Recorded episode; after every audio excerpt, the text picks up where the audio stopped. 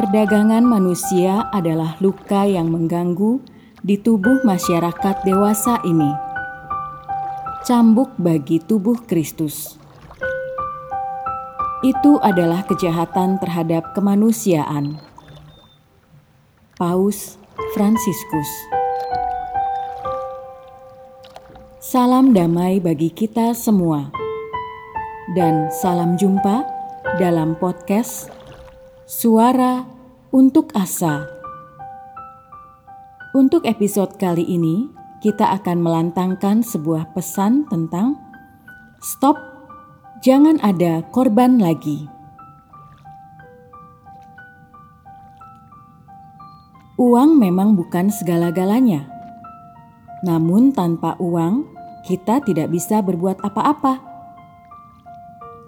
Ada bahaya terjebak dalam pemikiran materialistik ketika kita meyakini ungkapan tersebut. Ini mengandaikan kalau manusia baru berdaya, baru dianggap ketika punya uang. Bisa jadi pemikiran ini adalah umpan jitu yang dimanfaatkan pelaku kejahatan perdagangan manusia untuk mendapatkan korban. Ada beberapa fakta menyedihkan yang diungkap dalam sebuah artikel di situs VOA Indonesia dengan judul Korban Perdagangan Manusia. Kerja 11 tahun, terima 7 juta rupiah. Artikel ini dirilis pada tahun 2019. Dikatakan bahwa Yosep Malo memutuskan pergi ke Malaysia.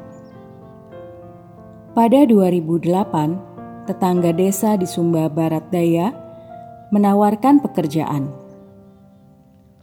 Sebelum Yosep Malo pergi, ada 12 warga wilayah itu yang berangkat. Rombongan Yosep juga berjumlah 12 orang. Namun, sejak kepergian itu, tak pernah ada kabar datang.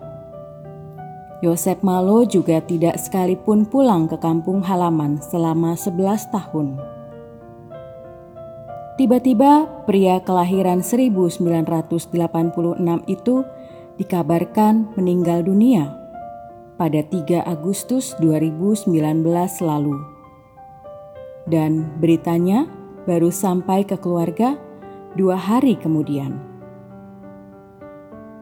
Keluarga pun sedih dan kecewa dengan semua yang terjadi. Yosep Malo adalah jenazah ke-74 dari 75 jenazah pekerja migran Indonesia atau PMI yang tiba di NTT pada bulan Agustus 2019. Yang lebih menyakitkan lagi, beberapa hari setelah meninggalnya Yosep Malo, keluarga menerima uang 7 juta 35 ribu rupiah. Itulah uang yang ada dari hasil bekerja selama 11 tahun. Padahal Yosep tidak pernah menggunakan uang untuk pulang kampung dan juga tidak pernah mengirimkan hasil kerjanya ke keluarga. Sebuah artikel yang menyedihkan, bukan? Dapatkah Anda membayangkan seperti apa rasanya jika menjadi keluarga Yosep Malo?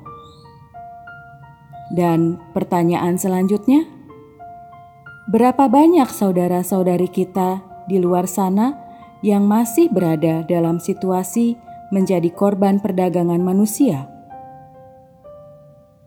Berapa banyak lagi jenazah yang akan dikirimkan?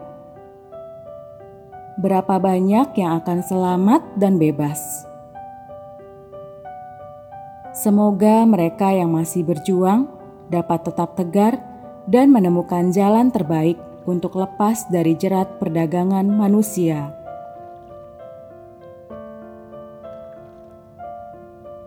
Jumlah uang yang kita miliki mungkin mempengaruhi apa yang bisa kita lakukan namun tidak ada pengaruhnya terhadap kebahagiaan Anda. Harta terbesar kita adalah cinta, dan kehadiran orang-orang yang kita cintai di sekitar kita. Tidak ada yang bisa menggantikan itu. Mari gunakan akal sehat.